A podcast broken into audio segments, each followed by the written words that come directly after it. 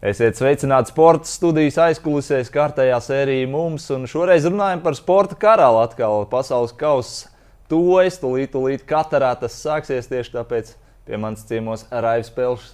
Čau, Raivi! Čau, Matīs! Paldies par uzaicinājumu. Priecīgs atgriezties Latvijas televīzijas telpās. Mēs kaut kad esam runājuši. Jā, lēnām pakoja somas un būs jādodas ceļā drīz. Jā, kā mēs šobrīd te varam dēvēt? Kāds ir tavs amats, kur tu ikdienā strādā? Uh, ikdienā es strādāju pie Discovery Sports Events. Ir liela, liela mediju grupa, viena no lielākajām pasaulē. Uh, Warner Brothers Discovery. Viņiem ir sporta pasākuma divīzija, un es esmu uh, vadu viņiem uh, Speedway pasākumu, faktiski Head of Event Operations priekš Speedway pasaules čempionātu. Tas ir mans tas, uh, pilna laika dienas darbs, tā varētu teikt. Jā. Lai mēs saprastu, kas tu esi, jā, tu jau esi bijis mūsu sižetā pirms pāris gadiem, bet uh, īsi dosjē savu, varbūt neiedziļinies katrā mazajā posmā, bet īsi dosjē iedod, kādos lielos pasākumos tu esi strādājis.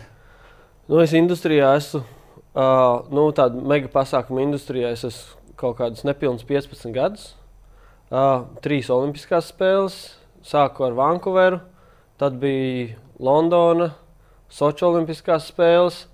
Uh, gadu Azerbaidžānā nodzīvoju, pie Eiropas spēlēm strādāju. Uh, tad man bija iespēja atgriezties Latvijā un faktiski pirmo reizi pie sporta pasākumiem pastrādāt Latvijā. Raimons Trokšs sāk strādāt pie uh, Rallija pasaules čempionāta, ko arī joprojām turpina darīt līdz šim gadam. Um, un tad 16. gada janvārī nāca piedāvājums braukt uz Kataru trīs pusgadus nodzīvoju Katarā, strādāju pie pasaules kausa futbolā uh, plānošanas, kā vecākais testēšanas un gatavības inženieris. Tad atnāca Covid ar savām korekcijām. Ģimene bija Latvijā tajā brīdī, un es pēc kaut kāda laika, kad es sapratu, ka uh, nu, baigā nenoteiktība ar to visu ir, man nebija īsti saprotams, kad varēs normāli atkal ceļot starp Latviju un Kataru. Tad es tika pieņemts lēmums, ka es no tās katras braukšu projām. Es reiķinājos, ka ar to man tas uh, darbs katrā varētu beigties tajā brīdī, bet es to lēmumu pieņēmu un uh, aizbraucu no tās katras projām. Uh, tad, protams, bija visi pasākumi, bija uz pauzes. Nu, lielāks vai mazāks pauzes, kaut kas notika, kaut kas notika ar kaut kādiem ierobežojumiem. Uh, jā, tad es uh, kopš tā brīža faktiski esmu atgriezies Latvijā, bet nu jau gadu gadu es esmu vairāk kā gadu esmu nostrādājis pie Discovery grupas ar sporta pasākumiem, un, bet es joprojām esmu bāzēts šeit. Tāpat kā visu Covid laiku, es esmu bāzēts šeit, un uh, es tikai braucu projām uz pasākumiem. Un tagad, šis, kad man ir speedway sezona, man ir beigusies, tad es varu faktiski savu atvaļinājumu un brīvāku laiku izmantot uh, priekš pasaules kausa futbolā. Par pasaules kausu noteikti vēl runāsim. Bet pastāst par to aktuālo darbu Discovery grupā. Es saprotu, ka tava atbildība ir Speedways un Speedways sacensības. Ko jūs tur darat? Es saprotu, Raimons Strokšs arī tur ir iesaistīts. Kāda ir jūsu pienākumi Speedway GP organizēšanā? Um, no kopš šī gada Discovery grupa pārņēma uh, Speedway pasaules čempionātu un uh, nāciju kausu rīkošanu. Tad mēs pagājušajā gadā pagājuši gadu mēs apmeklējām visu spīdveida posmu, skatījāmies, kā tas tiek darīts, kā tas tiek organizēts. Un mēs esam, nevis mēs, bet Discovery Sports ir kļuvuši par uh, spīdveida čempionātu promotoru. Viņi vada, organizē visu to posmu. Protams, ka tur atbrauc uh, federācija, atbrauc starptautiskā uh, motobraukšanas federācija, atbrauc. Viņi ir atbildīgi vairāk par to sporta daļu. Uh, bet to visu pārējo, kas ir apkārt tam pasākumam, un uz kurien tas pasākums brauks, kur viņi tiks rīkoti. Uh, protams, FIM komisijā tiek arī izlemts, kas piedalās tajās sacensībās, uh, kur, kur ir uh, Discovery arī iesaistīts. Tas nav tikai tā, ka uh, federācija to izlemj. Nu, un tad ir uh, ap to visu spīdveju uzbūvēts diezgan liels. Uh, ar to, kāds viņš ir bijis, mēs viņam esam uzbūvējuši diezgan lielu cirku. Uh, cirku apkārt. Mēs esam diezgan daudz infrastruktūru sabūvējuši. Un tad uz to katru pasākumu mēs braucam. Tas viss tiek uzbūvēts, tas viss tiek aizvests. Mēs diezgan lielu komandu cilvēku esam uh, ar visiem saviem apakšuzņēmējiem, kas mēs braucam, mēs esam. Es nezinu, negribu samalot, kādas 150 cilvēku mm. uz katru posmu, un tas ir viens stadiona pasākums. Tas nav tā, ka tev ir rallies, kas ir tev pa veselu novadiem izkaisīts. Tas ir uh, viens stadiona pasākums, bet mēs aizbraucam kaut kādiem 150 cilvēkiem, ieskaitot visus, kas mums ir televīzija, kas brauc. Kas brauc uh, infrastruktūru, kas mums būvē. Ja mēs tieši to infrastruktūras latiņu esam ļoti, ļoti pacēluši citā līmenī. Ja viņi kādreiz atbrauc ar, uh, ar vienu lielo mašīnu, viņi atbrauc un visu inventāru atved un uzlika. Tad šob, viņi atbrauc kaut kādā ceturtdienā, un piekdienā uzlika, un sestdienā viņiem bija pasākums. Tad mēs braucam jau faktiski pirmdienā. Mēs braucam ar uh, septiņām ļoti lielām mašīnām uz turieni. Tas ir tikai inventārs, kas ir skatuve, kas ir piti, kur tiek motocikli remontēti, kas ir tā starta zona, no kurienes tie motocikli tiek iestumti. Un tur ļoti daudz mēs esam tādu arī. Um, in, interaktīvāk. Es nezinu, vai tā var teikt, jo mums tā skatu ir ar, tā skatu ir ar ekrāniem. Tā iestumšanas tā starta zona ir, kur mums ir uz grīdas, mums ir ekrāns un aizmugurē ir vertikāls ekrāns, kad viņi izvēlās tur tās savas ķiveres krāsas, kā viņi startēs. Nu, tā infrastruktūra mums ir diezgan, diezgan jaudīga priekš tāda uh, speedway sporta, viņi diezgan jaudīgi ir sabūvēti. Nu, un tad uh, tā sezona bija diezgan gara. Es nezinu, mēs skaitījām kaut kādi. Uh, 16 vai cik pasākumu kopā bija pa sezonu. Tā kā dabū diezgan, diezgan daudz skriet apkārt un visu to novadīt, lai tas viss tiek uzbūvēts un lai tas viss tur strādā, tā mašīna. Un, mm. un, Kur tas jūsu ceļojošais cirks bija? Bija arī Austrālija vai kā jūs tur bijāt? Šogad, eh, šogad mēs uz Austrāliju neaizceļojām. Mm. Uh, tas arī bija ar to nedaudz saistīts ar to Covid. Uh, vēl to, ka viņi, viņi īsti nevērās vaļā un tur bija grūti grūti sazīmēt visu. Viņiem pašiem bija tāda nenoteiktība, bet uh, Austrālija noteikti nākotnē ir plānā. Šogad mēs, uh, diemžēl, palikām tikai pa Eiropu, mm. bet uh, tas ir pilnīgi noteikti tā ir viena no prioritātēm. Uh, audzēt geogrāfiju tam čempionātam. Jo, ja šobrīd viņš ir teiksim, ļoti populārs, nu, Polija, protams, Ziemeļvalstis un Lielbritānija. Austrālija arī Austrālija, Jaunzēlanda, viņš ir populārs, bet nu, mums nesanāca mm. uz mhm. turieni aizbraukt. Bet uh, tas viennozīmīgi ir viens no fokus punktiem audzēt to, uh, to geogrāfiju spīdvējiem. Bet, ja tas posms notiek uh, Austrālijā, kā jūs ceļojat? Ir kuģi, lidmašīnas, kā, kā tas varētu notikt? Uh, tā infrastruktūra tā ir faktiski tiešām mana atbildība. Viss tā loģistika, mm. infrastruktūra, tas ir tas, kas uh, guļās uz maniem pleciem. Un tad, kad mēs sākām pirms vairāk kā gada mēs likām to kalendāru kopā un domājām un rēķinājām, lai saprastu, kas mums tur kāda vispār tur tā matemātika un viss pārējais ar to sanāk. Tad, uh, tad bija tā, ka mēs sapratām, ka mums ir jābūvē vēl viens, vēl viens infrastruktūras kits. Mums ir tas viens Eiropas kits, ko mēs visur vedam. Viņš ir pielāgojams faktiski visiem. Viņš ir gan kas ir tīrās speedway. Uh, uh, arēnas, gan mēs arī, teiksim, mums bija Varšavā lielais uh, nacionālajā stadionā 55,000 skatītāji. Mums vienkārši esošajā pilsētas stadionā uzbūvē trasi, un tad mēs liekam visu to savu infrastruktūras overlay, mēs liekam virsū.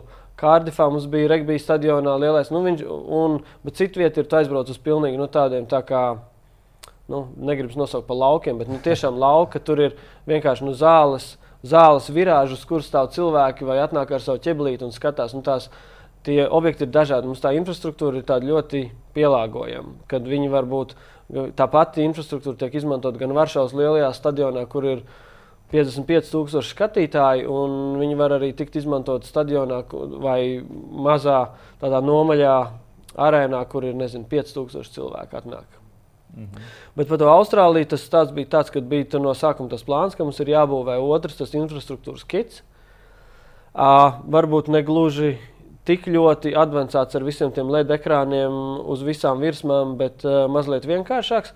Un tas ceļot mums teiksim, starp kontinentiem, kamēr teiksim, Eiropa joprojām paliek kā, kā galvenais fokus tai sezonai, bet tad viss tā, tas otrs kits varētu ceļot starp uh, pa citiem kontinentiem, jo vienmēr, nu, visticamāk, tas tā Eiropas vasara, tas būs tas uh, sezonas, teiksim, tas uh, vidus, Un tad tās uh, plecu sezonas, kas ir pavasaris un rudens, tad mēs varam uh, braukt Austrāliju, Jaunzēlandi, Argentīnu, Ameriku varbūt.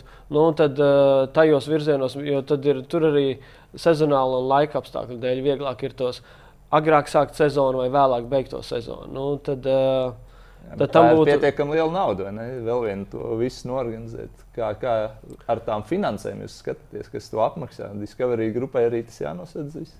Cik tā liela nauda? Uh, nu, tur ir tur ir dažādi. Jo, teiksim, nu, kad arī tiek, tiek runāts ar to Austrāliju par to nākamā gada potenciālu vai nākotnes kaut kādiem plāniem, tas viss tiek rēķināts iekšā. Nu, protams, Discovery ir viņa, tā ir milzīga platforma. Un, uh, Discovery pelna ar to, ka viņi pārdod uz savu Discovery Plus un Eurosport Player. Viņi pārdod tos uh, abonementus un visu. Un tas tur, tur tā rēķināšana notiek diezgan komplicēta. Faktiski mums uh, mums, kā pasākumu rīkotājiem, mums tiek piešķirts kaut kāds budžets, mm -hmm. un tad mēs ar to naudu strādājam. Bet tur tā, tā visa tā lielā rēķināšana, matemātika, tā tur notiek. Tā tur notiek aiz muguras, un, ja tā godīgi, tad viņi īsti man pat nav. Es tajā neesmu arī iedziļinājies, un man viņi īsti pat nav izprotami. Tad, kad es, es teiksim, saņemu kaut kādā reportā, skatos, tur, kas ir digitāli un kas ir, kas ir lineārais un, un visas tās lietas. Es, tā, tas īsti nav tas mans lauciņš. Mans tas lauciņš ir atvest to cirku, viņu uzbūvēt, viņu novadīt, lai viņš nostrādā. Un, uh, un lai viņš tiek normāli novākts un uh, aizvest uz nākamo vietu, lai viņš ir laikā, lai var atkal uh, veikt to uzstādīšanu. Tas ir mhm. vairāk tas mans fokus tajā, tajā finanses lauciņā. Šajā es īsti, es īsti neiesaistos. Un es, es pat īsti nesaprotu, kā tas, kā tas viņiem tiek rēķināts un kā tas strādā. Jā, bet to ceļojošo cirku var salīdzināt ar kādu roka koncertu, piemēram, ja mēs ar Coldplay piemēram, salīdzinām. Tu vari to mazliet salīdzināt, tas ir kaut kas līdzīgs tam. Tas ir, nu, protams, ka tas viss ir šovs, tā viss ir izklaide, kas tiek atvests cilvēkiem. Ar Coldplay uh, varbūt tu nosauc labu piemēru, ar ko salīdzināt. Jo tieši tajā pašā Varšavas stadionā, kur mums šogad bija lielākais pasākums, es apmeklēju Coldplay koncertu šogad. Es gan neredzēju, kāda viņiem ir, cik liels tas cirks ir, kas viņiem brauc. Es domāju, ka tik, teiksim, pēc izmēriem tik liels tas viss nav.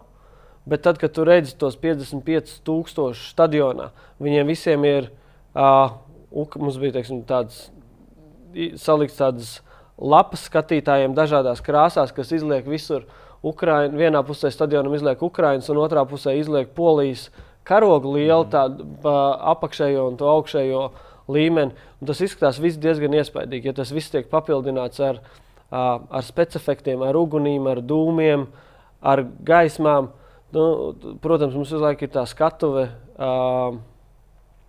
Tā stadiona centrā ir milzīga skatuve ar LED ekrāniem visapkārt. Mums moto, motobraukšanas federācija speciāli mainīja noteikumus, lai mēs to uh, skatu varētu varētu, jo tur vienmēr spīdvijā ir tas ir.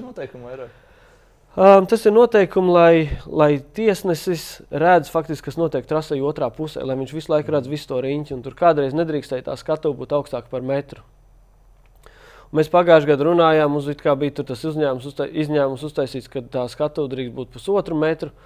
Un tad, kad mēs atbraucam, tur viss nevienmēr tas, uh, tas vidus ir gluži līdzens tam tai spīdveja trasei.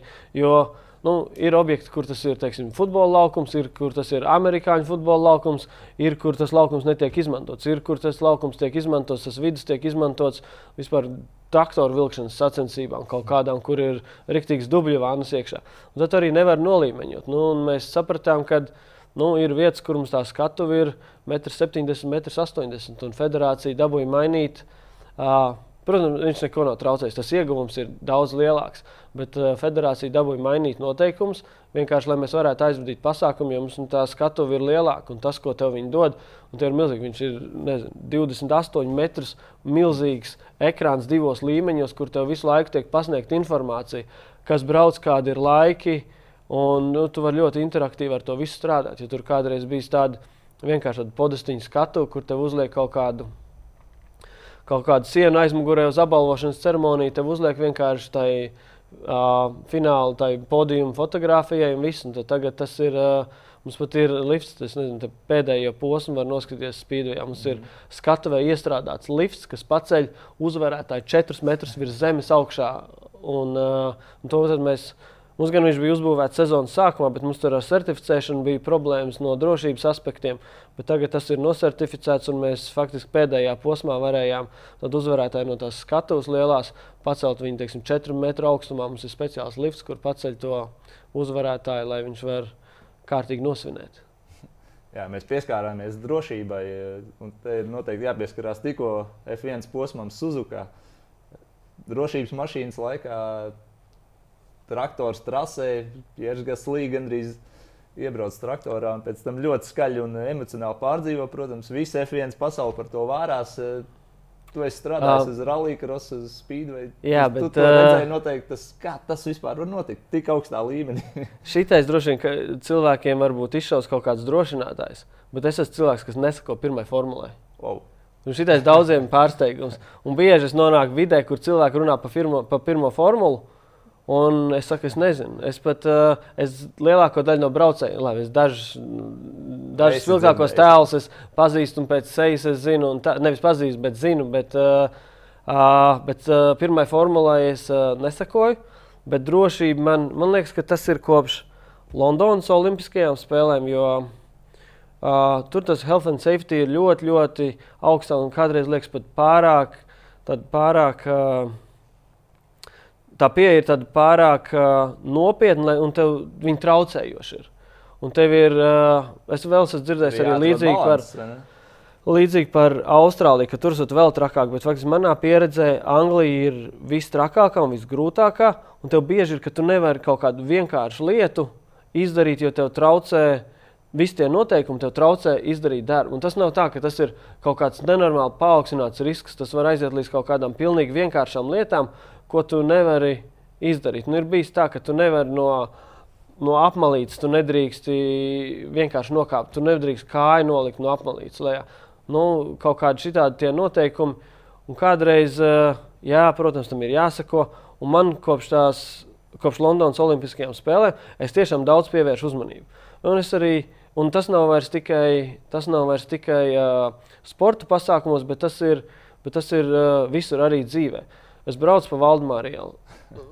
Ir sastrēgums. Ielas vidū stāv mašīna bez kaut kādām zīmēm pirms tam, bez kaut kādām izliktām zīmēm, bez kaut kāda brīdinājuma. Viņi ir pacēluši cilvēku uz lifta augšā.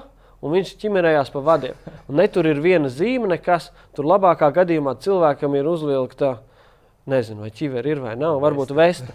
Bet tā vesta un tā vienkārši tā ķivera, tad, kad viņš ir nezinu, 6-7 metru augstumā, Valdemāra ielas vidū, kā pa abām pusēm brauc mašīnas, un tas tev, tas tev baigi nepaglābs no tā visa. Un man arī dzīvē tās situācijas ir. Uh, es vienkārši pēc kopš Londonas Olimpiskajām spēlēm ļoti, uh, ļoti vairāk pievērstu tam uzmanību. Es, ne, es varbūt neuzskatu, ka viņi visur ir pareizi un ka tik traki tam ir jābūt tai uzmanībai pievērstai, tai, tai drošībai. Bet, jo kādreiz, es, kā es teicu, tā ir traucējoša, bet, bet arī dzīvē ļoti daudz. Un, teiksim, tagad arī nu, ar to spīdveidi, jo tas, ja kādreiz man tie pasākumi faktiski aizņēma ilgāku laiku to plānošanu, un tu visu laiku strādā pie tā viena pasākuma, tad šogad tie ir spīdvejā vien, tie ir kaut kādi 15 vai 16 dienas, kad mums ir pasākums, un tur katru reizi kaut kas kaut kur lec ārā. Un tā viena no tām Viena no tām lietām, ko es vienmēr arī skatos, līdz mums gan ir konsultants, kas mums ir uh, labs konsultants uh, no Lielbritānijas, ko mēs esam uh, paņēmuši, kas pie mums strādā tieši kā uh, drošības speciālists. Un, bet mēs vienmēr arī kopā kaut kādus tos jautājumus adresējam, un arī viss tā infrastruktūra, ko mēs vedam uz to spīdēju, viņi visi ir certificēti, tie visi certifikāti ir pārbaudīti ar to, uh, caur, tie, caur to Lielbritānijas kompāniju, ar ko mēs kopā strādājam. Uh, Tā kā es ikdienā pievēršu daudz lielāku uzmanību kopš Londonas Olimpiskajām spēlēm, bet uh, formulas gadījumu es uh, nevarēšu komentēt, diemžēl. Pat neesi redzējis. Ja? Es neesmu redzējis, ne, es nezinu, par ko tu runā. Okay. Ja F1 tu nesako un uh, neinteresējies, tad kur ir tava meka? Teikt, kas ir tas augstākais punkts tavā sfērā? Nu, tu esi organizējis olimpiādas, tagad pasaules kausa. Pasaules kausa ir meka, vai, vai kur tu redzi, ka tas varētu būt tāds augstākais punkts, kur tu gribētu nokļūt? Pēc pasaules kausa īsti augstāks nav, ja tu ņem ja tu, no sporta vidus. Mm -hmm. Ir, es nezinu, varbūt ir vairāk, bet ir viens pasākums, kas ir lielāks, bet man nav. es, ne, es nezinu, vai vispār tur var nokļūt īsti. Kas tas ir? Un es nezinu, vai es, man liekas, ka es tur nemaz negribētu īsti nokļūt. Lielāks pasākums, magnitūdas, tā iespaidīguma un cilvēku mazziņā ir tikai, man liekas, kad tas haģis, kas notiek Saudijā, Mekā, kad tur sanāk tie milzīgais lērums svētceļotāji. Man liekas, ka tikai tas varētu būt lielāks pasākums par šo pasaules kausa futbolā, nu, tieši dēļ tā, ka viņš ir koncentrēts vienā pilsētā. Visi tie astoņi stadioni ir vienā pilsētā. Tev katru dienu notiek četras spēles ar uh, trīs stundu starpību, ja nemaldos, divu mm. vai trīs stundu starpību. Tev, nu, teiksim, sportā nu, nekas tāds tik koncentrēts nav bijis. Un es domāju, ka arī nebūs. Nu, es domāju, arī reģionālā ziņā, nevis tur, teiksim, tikai grafika ziņā. Jo grafika ziņā tas tas pats, un nākamais tas turnīrs. Tad ir vairāk komandas, kas notiks Amerikā, Kanādā, Meksikā. Tur ir vairāk komandas. Bet viņš, ir, bet viņš ir izkaisīts atkal, un viņš nav tā, ka tev vienā pilsētā. Šeit tev ir uh, grupu turnīra laikā, tev ir uh, četras spēles katru dienu. Un tev īsti nav laika, ja tev kaut kas iet greizi, tad tev īsti nav laika attelpoties. Tev vienkārši jāmēģina Tev jāmēģina izlabot, ko tu vari, bet tev daudz laiks nav dots. Tas nav tā kā teiksim, iepriekšējais pasaules kausa futbolā vai iepriekšējie, ka tev ir nezinu, vismaz divas dienas starpā, kamēr tu tā pilsēta, lai tā pilsēta atgūtos starp vienu spēli un nākamo spēli. Tev ir iespējas kaut ko mainīt plānošanā un kaut ko sakārtot. Un šeit faktiski tev tāda, tāda iespēja īsti nebūs. Cik daudz ir savests Dohā un Katarā? Tas, ko viņi tur būvē no jauna, tas ir ļoti iespaidīgi. Metro līnijas, eh, lidosta, viesnīcas, tu tur biji uz vietas. Nu, kāda bija tā pilsēta pirms tam un kāda bija um, cik liels tur ir daudzums, kas ir savests un sabūvēts? Pirmo reizi jau es vispār katrā nonācu, ja nemaldos, 12. gadā. Es strādāju vienu, tas bija uh, konferences ar apvienotām nācijām, strādāju tur vienu konferenci. Tad es pirmo reizi tur nonācu, tad tas bija 12. gadā. Tad es īsi paviesojos 15. gadā, ja nemaldos, vai 14. un tad es 16. gadā sāku tur dzīvot. Un tad jau tu varēji starp to 12. un 16. gadu, tu jau varēji manīt diezgan lielas atšķirības. Tagad daudz no tiem infrastruktūras uh, projektiem, kas tad bija, kamēr es tur dzīvoju līdz 20. gadam, tagad ļoti daudz no viņiem jau ir pabeigti. Jo tad tā bija tāda liela, nu, milzīga būvbedra. Nu, protams, nu, tā, tā valsts vispār, jau vēl vispār ilgi būs arī būvbedri. Nu, jo viņiem tas viss nav tikai tā. Viss tā būvēšana, tas viss tas nav tikai pasaules kausa futbolā. Tas to ietver, bet tas nav tikai tas, jo teiksim, tā uh, Supreme Committee for Delivery and Legacy, kas bija mans darba devējs, kad es iepriekš dzīvoju Katarā, viņi ir. Uh, viņi izpilda valsts vīziju 2030. Tas iet tālāk, tas iet tālāk pa 22. gadu. Un arī tas viss tā lidostas paplašināšana, uh, metro tīkls ar trīs līnijām, divas atsevišķas tramvaja sistēmas, uh, protams, tie astoņi stadioni, kas tiek būvēti. Tas viss uh, uh, milzīgs uh, ceļu tīkls, kas ir atgaitas šoseis ar nezinu, 5, 6 joslas katrā virzienā. Tas viss nav tikai priekš uh, tā viena mēneša, kad sabrauks kas sabrauc cilvēku uz futbolu. Tas viss ir uh, priekš vispār tā ir valsts un pilsētas uh, attīstība līdz 30. gadam. Tā kā tas viss ir mazliet uh, plašāk. Uh, Cik bezjēdzīgi piedod ir astoņi stadioni tik mazā vietā, vienā pilsētā? Es domāju, ka tas, tas nav tikai astoņi stadioni. Viņiem ir, viņiem ir esoši jau stadioni kas pilnībā apmierinātu teiksim, vietējo pieprasījumu. Un viņi arī, mēs viņus arī esam tos sagatavošanās sacensībās, pirms tam, kad tur bija divas reizes, ja nemaldos, es strādāju pasaules klubu kausa futbolā, Jā. kad tie bija kādas sagatavošanas sacensības katrā. Un arī tajos jau tika izmantot stadioni, kas nemaz nav pasaules kausa stadioni. Tā kā viņiem ir vēl citi stadioni. Uh, pilnīgi noteikti. Tā ir pilsētā, labi valstī, pieņemsim valstī. Viņiem nav astoņu tādu izmēru stadionu vajadzīgi. Viņi visi arī nepaliks kā stadioni. Teiksim, ir viens konteineru stadions, kas ir no Jā, jūras konteineriem, bet nu, tas arī tas ir stāsts. Stāsts ir ļoti smags, un viņš, ir, teiksim, viņš ļoti labi izskatās. O, forši tur mm -hmm. izmantot uh, konte, ar konteineriem veidu materiālus, tie konteineri tiek izmantoti uh, stadionu celtniecībā. Bet nu, tas ir stāsts. Tā realiti, realitāte ir tāda, ka kāds ir uzražojis jaunus, nezinu, cik konteinerus, tie konteineri tur ir atvesti un salikti, un ka viņi nav reāli tie nodauzītie materiāli, konteineri, kas tur ir atbraukuši. Nu, tas stāsts ir smags, bet tā realitāte ir uh, dzīvē mazliet citādāk. Jā, tas tiks izjaukts un kaut kādas tās sekcijas tiks pārvestas uz. Nezinu, uz Āfriku, uz kaut kur atdots kaut kādām nabadzīgākām valstīm, kur, uh, lai attīstītu futbolu.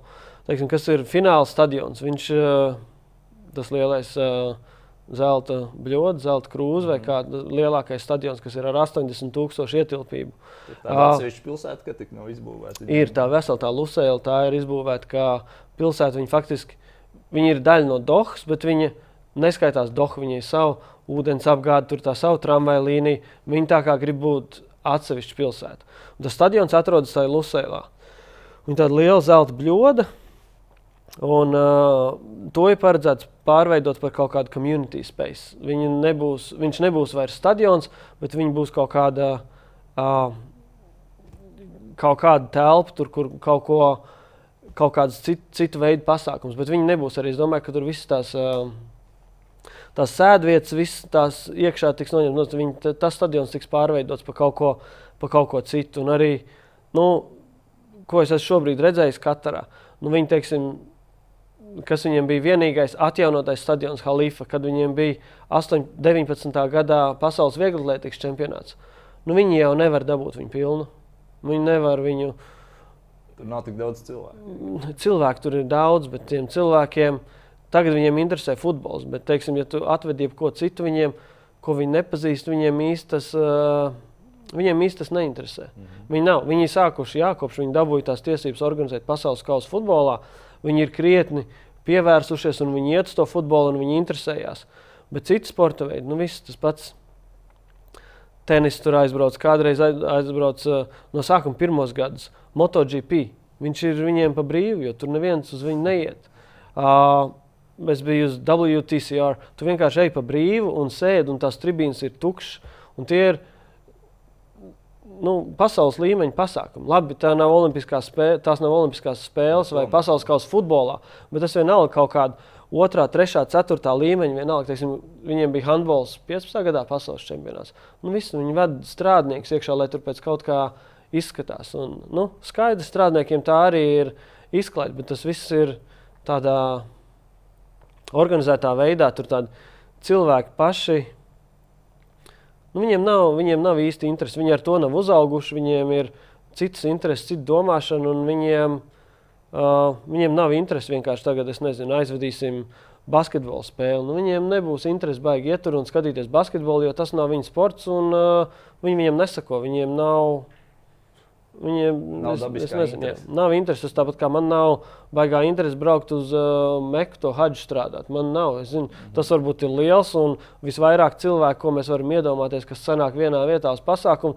bet man interesi ir nulle. Nav. Mm. Par tavu darbu ikdienu, kad tu tur aizbrauc, es saprotu, tu strādāji 40 stāvā ēkā. Tu varēji piespiest podziņu, tev atnesa dzērienu, ēdienu apmēram. Ja? Kāda bija tā darba ikdiena birojā? Tev? Uh, tā ir. Jā, tur ir, uh, tur ir teiksim, ļoti nodalīts tās uh, cilvēku, cilvēku šķiras. grupas, šķiras, jā, tā varētu teikt. Jo ir tie katarieši, kas ir tas, uh, viņi uzskata, ka viņi ir top līmenis. Uh, Viņi arī nu, kā, nu, viņi turīgākie. Viņiem tā ir viņa zeme, tā ir viņa valsts. Viņi ir ļoti mazs slānis. Es teiktu, 300 tūkstoši cilvēku apmēram tie katarieši. Uh, Viņi dzīvo to savu dzīvi, viņi visi ir tur karaļa prinči un tā tālāk. Savu, katrs. Tad ir liela daļa uh, rietumu, rietumu speciālisti, kas brauc. Viņiem gā, gā, gāzes ieguve, inženierija, būvniecība, tagad arī uz, uh, uz futbolu, uz organizēšanu. Un tas nav tikai uz futbolu, arī uz uh, visiem citiem pasākumiem. Tur ļoti daudz brauc uh, speciālisti no citām valstīm un organizē tos pasākumus. Tad ir tā šķira, kas ir arī varbūt tikpat liela, varbūt nedaudz lielāka kā tā katariešu populācija. Nu, tad ir divi miljoni, kas ir vienkārši strādnieki. Un tās trīs, tie trīs līmeņi faktiski nekrustojās. Viņi varbūt, Katrs dzīvo savu dzīvi. viņi varbūt krustojās kaut kur profesionāli nedaudz. Nu, pieņemsim, nu, ir kāds, kas ir šofers vai vēl kaut kas, un tad viņš ved to, kas ir tā pirmā kasta, vai tā, kas ir katarieši, vai tā otrā, kas ir tie rietumu speciālisti, kas ir atbraukuši. Tas ir tas, ka tu tev taksists ved, vai tev ir viesmīlis, vai tev ir pavārs vienalga. Tādā veidā tas krustojās. Um, bet, teiksim, dzīvē nemiksējās. Es un pus gadus tur, es faktiski nekad nebiju ārpus darba satikties ar katariešiem. Viņi vienkārši nemiksējās. Viņi dara savas lietas, viņi dzīvo savā pasaulē, un tas ir ļoti reti. Es zinu, ka ir cilvēki, kas tur ilgi dzīvo un ka viņiem ir kaut kāds kontakts izveidojies, bet, bet tas ir nenormāli reti. Man nekur citur tā nav bijis, kuras es pasaulē dzīvoju, ka, ka tu īsti nemiksējies. Jo, ja tu strādā, tev veidojas kaut kādas tādas draudzības, tu pavadi kaut kādu brīvo laiku kopā arī nu, ārpus darba. Bet uh, tur, tur tāda lieta nenotiek. Un tas pats bija arī ar strādniekiem. Jo pirmkārt, viņi arī nevar neko atļauties. Viņi dzīvo nomalēs, viņi dzīvo savā uh, strādnieku nometnēs, viņa labor camps viņi saucās. Un tas tāds kā kopmītnes. Un tur tie apstākļi ir droši vien kā kur, bet nu, tas vidējais ir, tas līmenis ir ļoti zems. Es esmu redzējis dažas fotogrāfijas, uh, kā tie cilvēki dzīvo tur. Uh, nu, ir, ir, ir bēdīgi. Jo, nu, man jau sanāca ikdienā, jau tu komunicē ar tiem cilvēkiem, kas tur ir atbraukuši. Tu parunājies, tu saproti, no kurienes viņi ir. Ka viņiem mājās, es nezinu, desmit cilvēku ģimene ir. Viņš viens tur nabaks strādā, viņš mājās aizbrauc reizes gadā, reizes divos gados. Viņš aizbrauc mājās uz mēnesi, satiek. Bet viņš ar savu ļoti, ļoti mazu algu. Es vispār nesaprotu, kā ar to algu tu vari kaut ko vēl aizsūtīt mājās. Tu pa lielam neko nevari atļauties. Tu ēd to, ko tev iedod, tev ar autobusu atved uz darbu, tev ar autobusu aizved mājās, tev ir tā brīvā diena, bet tu jau nekur netiec. Tagad tas metro varbūt nedaudz transformē, kā tie cilvēki var pārvietoties, jo metro vispār ir tāds.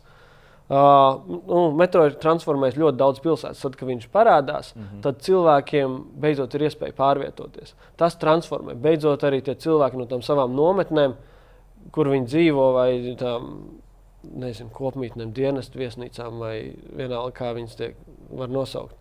Viņi beidzot var aizbraukt uz tirgu, viņi var aizbraukt, viņi var uz shopping molu aizbraukt, viņi var arī, ja viņi grib, viņi var uz stadionu. Nu, viņiem ir pārvietošanās iespējas līdz ar to, kad ir parādījies tas, uh, tas metro.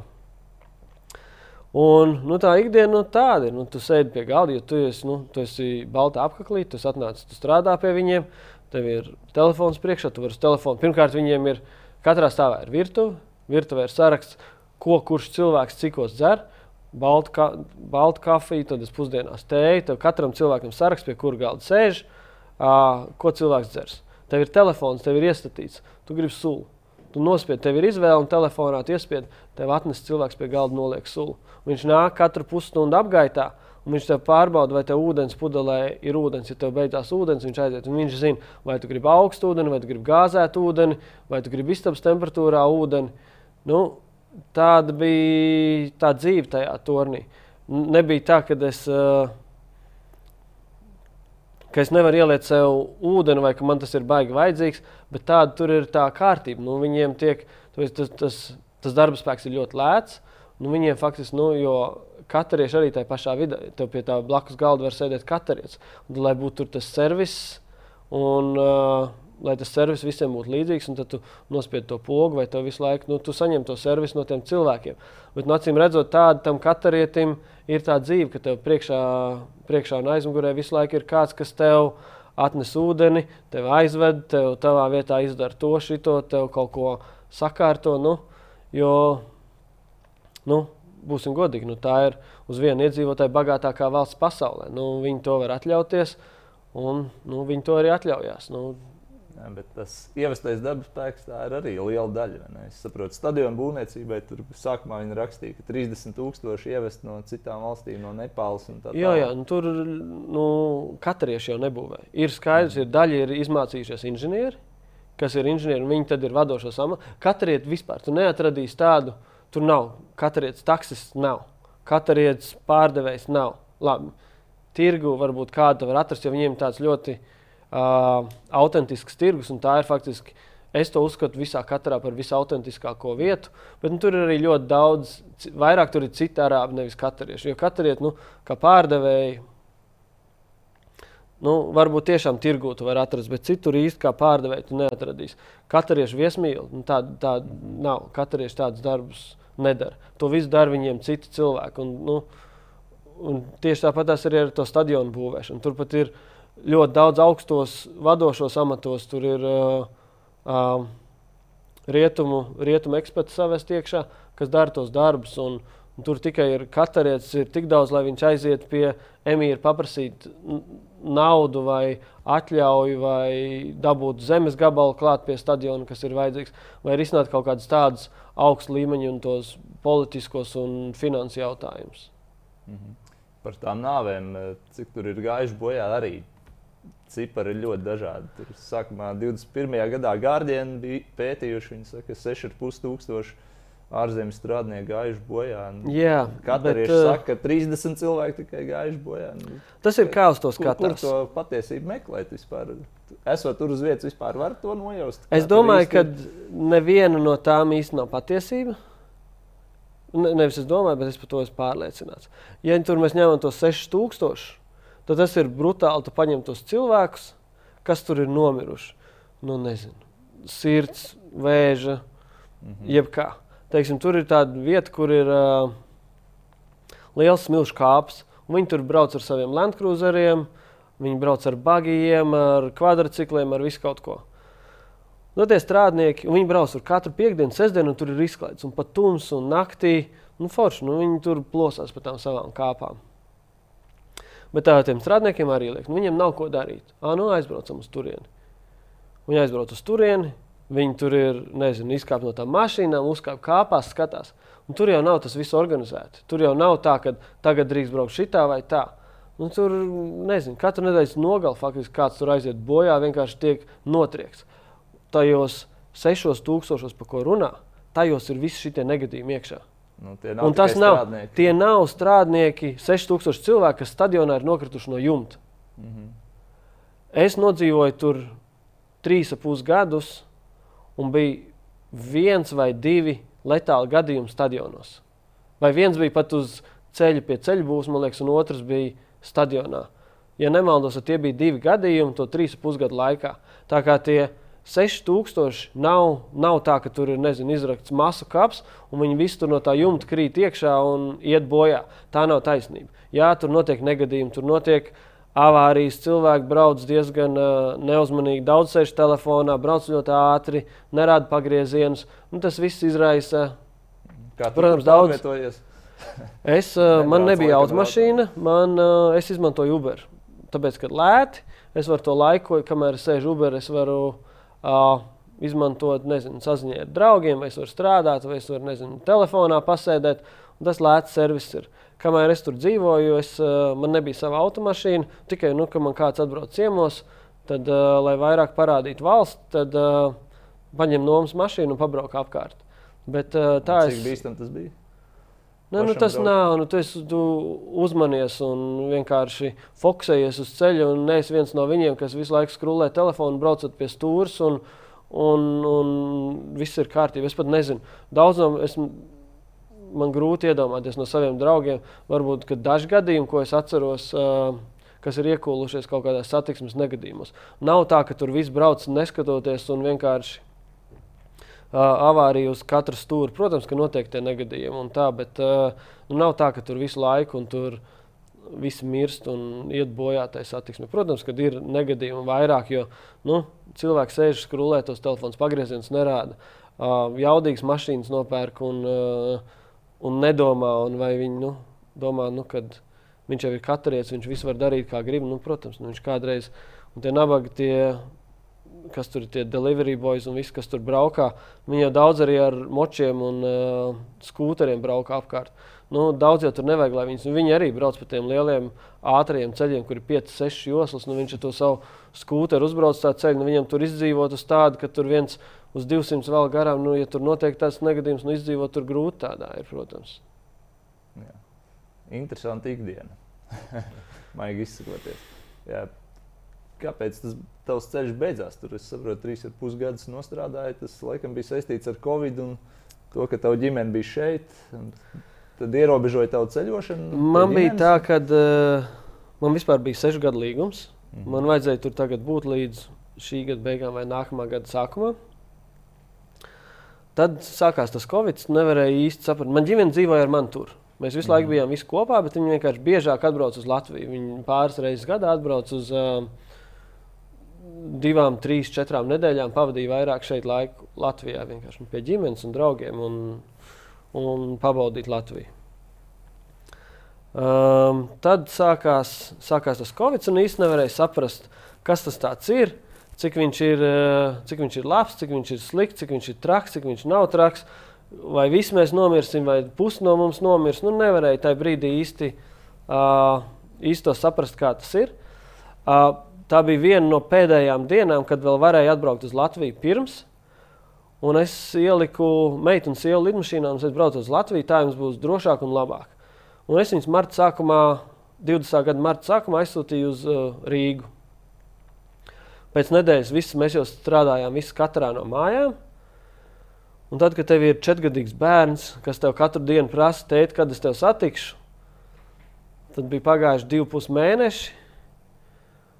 Un uh, man darba devējs gribēja man teikt, teica, ka man ir jāņem atvaļinājums, jo citādi visiem krājās atvaļinājumi. Tie arī netiek tērēti. Un lai nav tā, ka, teiksim, nezinu, pieņemsim, vasarā beidzās Covid, un visi vienkārši pazūd no valsts un aiziet atvaļinājumā, man lika ņemt faktiski atvaļinājumu un pavadīt viņu katrā. Hmm. Un, uh, man nebija vēlme pavadīt atvaļinājumu bez ģimenes. Esot tur, sēžot uz tā paša divāna, kuras visu laiku strādāju, jo tev īsti viss ir ciets, tu īsti nekur iet nevari. Uh, tas bija tā, ka man bija daļa, es zinu, cilvēks, kas bija aizbraukuši, nevienam neko nesakot, bet es negribēju iet HR-am. Es HR-am pateicu, es HR-am pateicu, es braucu mājās. Jūs dariet, kas jums ir jādara, bet es nepalikšu savu atvaļinājumu pavadīt šeit. Man ir atvaļinājums, un tā bija liekas, pirmā diena, kad Air Baltics atkal sāka lidot. Un tie bija pagājuši kaut kādi divi, divi pus mēneši, bija pagājuši kopš tās noslēgšanas, ciet, kad bija tikai kaut kādi repatriācijas reisi vai kas viņi mm -hmm. skaitījās. Tas bija faktiski pirmais reizes, un viss es nopirku biļeti, un es braucu mājās. Es HR-am pateicu, jūs dariet, kas jums jādara, bet es braucu mājās es tagad ņemu savu atvaļinājumu, es braucu mājās. Uh, man pagāja mans atvaļinājums, katrā vēl atgriezties nevarēja. Un, uh, lai nebūtu tā, ka visi cilvēki aizbrauc no turienes prom, un jo citādāk nu, tas būtu tāds domino efekts. Ah, mm -hmm. Kāpēc jūs viņu tagad palaidāt? Nu, kā, nu, mēs jau, es jau komunicēju ar saviem kolēģiem. Un tad tur viss, nu, neviens, neviens tur baigi nealkst sēdēt. Visi tur ir atbraukuši faktiski vai nu pēc kaut kādas profesionālās izaugsmes, vai, vai atbraukuši pēc naudas, vai nu abi divi kopā. Mm. Nu, nav tā, ka es pazīstu ļoti daudz cilvēku, kas ir nenormāli. Oh, Katra tur ir super dzīve, un es vienkārši man sapņu valsts, un es gribu braukt dzīvot uz katru. Un tā nav. Tur, to diktē nauda, vai nu arī kaut kādas profesionālās iespējas, ko tā valsts sniedz, kur tu vari augt un attīstīties. Un uh, tajā brīdī es pieņēmu lēmumu, viss, kad uh, ģimene ir prioritāte, ka ģimene ir prioritāte. Un, uh, gan jau, ka viss būs labi, Covid kaut kad beigsies un kaut kā iemācīsies cilvēki dzīvot tālāk. Un es pieņēmu lēmumu braukt uz Rīgu. Un tā tas mans līgums beidzās. Mhm. Uh, nepagāja daudz laika, kad cilvēki sāka prasīt un piedāvāt, vai es vēlos braukt atpakaļ. Mhm. Un tad es jau sapratu, ka es vairs ar ģimeni braukt un tur dzīvot, es vairs neesmu gatavs. Es teicu, ka es varu konsultēt, vai es varu braukt kaut kur uz kaut kādiem saitu vizitiem vai uz kaut kādiem uz īsu kaut kādu laika posmu, bet tajā brīdī es vairs pārvākties vēlreiz atpakaļ uz turieni, tam es vairs nebiju gatavs. Jā, bet tagad tu tur strādās atkal. Tūlīt jau dosies. Kā tas notika, un es saprotu, ka tā ir cita jau kompānija. Jā, man, protams, ka es uzturu attiecības gan ar saviem uh, cilvēkiem, ko es esmu citus pasākumus strādājis kopā, gan ar tiem, kas palika katrā pēc tam, kad es aizbraucu. Un es kopš, kopš tā brīža, kad es aizbraucu, un tie piedāvājumi ir bijuši diezgan daudz un dažādi. No dažādām funkcijām, no dažādām organizācijām. nezinu, kaut kādā 10, 15, varbūt pat 20 reizes cilvēki prasījuši uh, kaut kādu, vai nākuši kaut kādu piedāvājumu, vai prasījuši, vai man ir interese par kaut kādiem amatiem un par atgriešanos, bet tas viss ir bijis, ka man kaut kādu ilgāku laiku jāpavada katrā. Mm -hmm.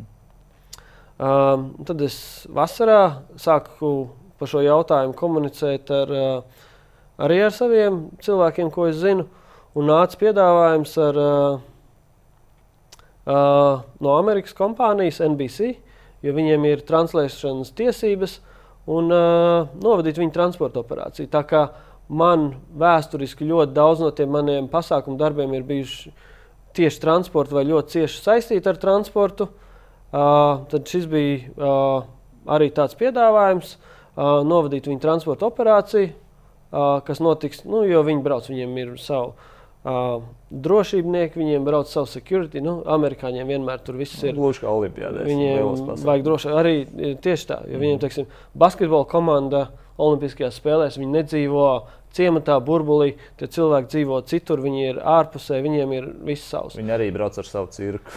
Viņi ziņā. brauc ar savu cirku, jā, tieši tā. Un, uh, un nāca šis piedāvājums braukt uz diviem mēnešiem. Man speedway sezona ir beigusies. Uh, parunāju ar savu priekšniecība par to, vai es varu paņemt uh, šos divus mēnešus brīvu no Speedway. Man bija uzstādījumi, kas man ir jāizdara līdz aizbraukšanai, lai lietas turpina strādāt un lai notiek gatavošanās nākamajai sezonai, priekš Speedway. Un, uh, jā, pēc uh, desmit dienām apmēram. Jā. Pēc desmit dienām es uh, būšu lidmašīnā uz Kataru. Mm -hmm. Jā, par Kataru vēl runājot, par pašiem stadioniem kad iepriekš runājām, tu teici, jā, bija aizgājis uz spēlēm, tur ir augsti. Tas ir arī iemesls, kāpēc karstuma dēļ noteikti pārcēla šo turnīru pirmo reizi vēsturē. Tas notiek novembrī un decembrī. Bet nu, tagad, aizejot uz stadionu, tur ir tāda laikam, konvencionāla sistēma, ka tur pat augsts ir skatītājiem. Ja? Nu, augsts ir stadionos, bet tas ir varbūt uh, katram jau patīk augsts. Tu jau arī ieej, mm. uh, tu ieej oficiālā, tu ieej lielveikalā, tu iekāp mašīnā. Nu, viņiem viss tas kondicionieris pūš uz uh, visaugstāko. Uh, par to pārcelšanu nu, ir tā, ka uh, jūnijā, jūlijā tur neviens neatbraukt. Normāls, lā, kaut kādi galīgie hardcore fanātiķi varbūt atbraukt uz to turnīru, bet, uh, bet uh, Eiropieši un to, to, ko viņi grib, viņi grib, lai atbrauc Eiropieši. Mm. Viņiem mazāk interesē, ka tur atbrauc nezinu, kaut kāda meksikāņa vai kas. Viņi grib Eiropai parādīt, Eiropietim parādīt, ko viņi ir uzbūvējuši, un ka tas ir kaut kāds lielāks vau nekā tas, kas ir, uh, kas ir Eiropā. Bet uh, nu, tur tā temperatūras ir diezgan. Nu, tu īsti nevari ārpus, ārpus telpām vai ārpus automašīnas uzturēties tajā jūnijā, jūlijā. Jo jūnijā, jūlijā tur bieži tā temperatūra ir 50 grādi. Un, nu, nav, un viņi naktī nodziest uz 42 grādiem vai 40 grādiem. Bet, uh, Nu, nav, tas ir diezgan neizturami. Tu staigā ar to ūdens pudeli apkārt, un tu visu laiku dzer to ūdeni, bet uh, tu jau nevari. Nu, cik tu pastaigās tādos 50 grādos pāri, nu, tu esi reāli uz pannas, tev jau arī nekur nav ēna. Tur nav tā kā, nezinu, ozola alēja, un tu staigā zem zariem kaut kādā ēnā. Tur jau nekā nav tās palmas, jau tev nekādu. Nekādu baigo ēnu nedod, un tad jūnijas, jūlijas, un tas būtu neizturami. Nu, ja pārcelt mazliet vēlāk to tad uh, augusts, septembris, oktobris paliek vēsāks, tā temperatūra nokrīt līdz kādiem 40 grādiem, bet tad ir nenormāls mitrums. Un tas ir vēl neizturamāks par uh, to, vēl grūtāk izturēt ir par, par tiem 50 grādiem. Jo tie 50 grādi ir sausums, un tu tā nesvīsti. Tad, kad tev ir tie 40 un tas mitrums ir nenormālais augšā, Un tad, viss, un tad, tu, tad tu vienkārši viss tur slapi staigā. Un tad, ja tu ej uz kondicionieru, no kondicionieru, tad tur būtu viss vienkārši slimi. Un nu, nav citu variantu. Nu, tas novembris, decembris un tad līdz kaut kādam aprīlim, tā ir tāda temperatūra ziņā, tā ir tāda Latvijas vasara. Nu, Labākais tad, laiks gadā. Ja? Nu, tas ir tas tāds izturamākais, iz, nu, ko visvieglāk, paciešamākais laiks gadā, tā varētu teikt. Jo tā vasara jau diezgan, nu, tāpēc es arī to ģimeni pavasaru sūtu mājās, jo tu jau nevari iziet, tu nevari arī iziet, iziet pastaigāties, tu nevari, tu neko. Jūrā bija temperatūra vasarā 42 grādi, tu jau nevari atveldzēties, tu jau nevari, tev ir Nezinu, tu, se, tu ienāc, tu sēdi tajā karstajā vannā vienkārši, un, viss, un tur jau ir tas ūdens ir tik karsts, ka tev veldzēšanās nekāda no tā visa nav. Nu, tāpēc tur tas jūnijas, jūlijas, un tas bija neiespējami. Mhm. Jā, ja kāds mūs skatās, kas grib darīt kaut ko līdzīgu tam, ko tu dari, kāds ir tas sākums, ko tu pirms 15 gadiem darīji, lai tajā biznesā laustos iekšā? Tas bija apzināti, neapzināti. Es saprotu, Vankūveras spēles bija, tu biji Kanādā to brīdi. Kā tas, tas sākās un kā vispār mēģināt iet tajā virzienā? Baigi daudz, kas ir bijis nejaušības, sakritības, un ir kaut kāds, nezinu, kosmos, kas tev kaut kur ved un kāpēc lietas notiek. Jo arī tad, kad es uz to gāju Vankūverā, nebija tā, ka, nebija tā, ka tas bija kaut kāds mērķis, vai tagad es taisīšu karjeru vai vēl kaut ko. Vienkārši sanāca būt pilsētā tajā laikā, kur notiek Olimpiskās spēles. Neapzināti. Es biju tur, bet nesaistīti ar to, ka tur būs Olimpiskās spēles. Un bija darba piedāvājums. Nostrādāju to darbu. Tad ar to pašu kompāniju priekšniecību piedāvāja, bija Toronto G8, G20 samits. Nostrādāju to pasākumu. Tad aizbraucu darīt uz Kanādas Arktiku, uz Ziemeļiem. Uh, nesaistītu transporta darbu, kas nav saistīts ar pasākumiem, bet viņi ieviesa uh, 14 inuītu, tas ir Kanādas Eskimos ciematos sabiedrisko transportu, un es aizbraucu pie viņiem strādāt. Nepilnu gadu pavadīju Arktikā ziemeļos. Pēc tam atbraucu uz Latviju, un no tejienes es pieteicos uz Londonas spēlēm. Tikai tajā brīdī es to sāku uztvert tā, kā tā varētu veidoties par manu kaut kādu karjeru mm -hmm. vai darbu, un ka tas būtu tas ceļš, ko varētu iet. Līdz tam brīdim Tas vispār bija neapzināti, kā es nonācu. Tā bija sagadīšanās, un es pat to neuztvēru kā tādu virzienu, kurā varētu attīstīties.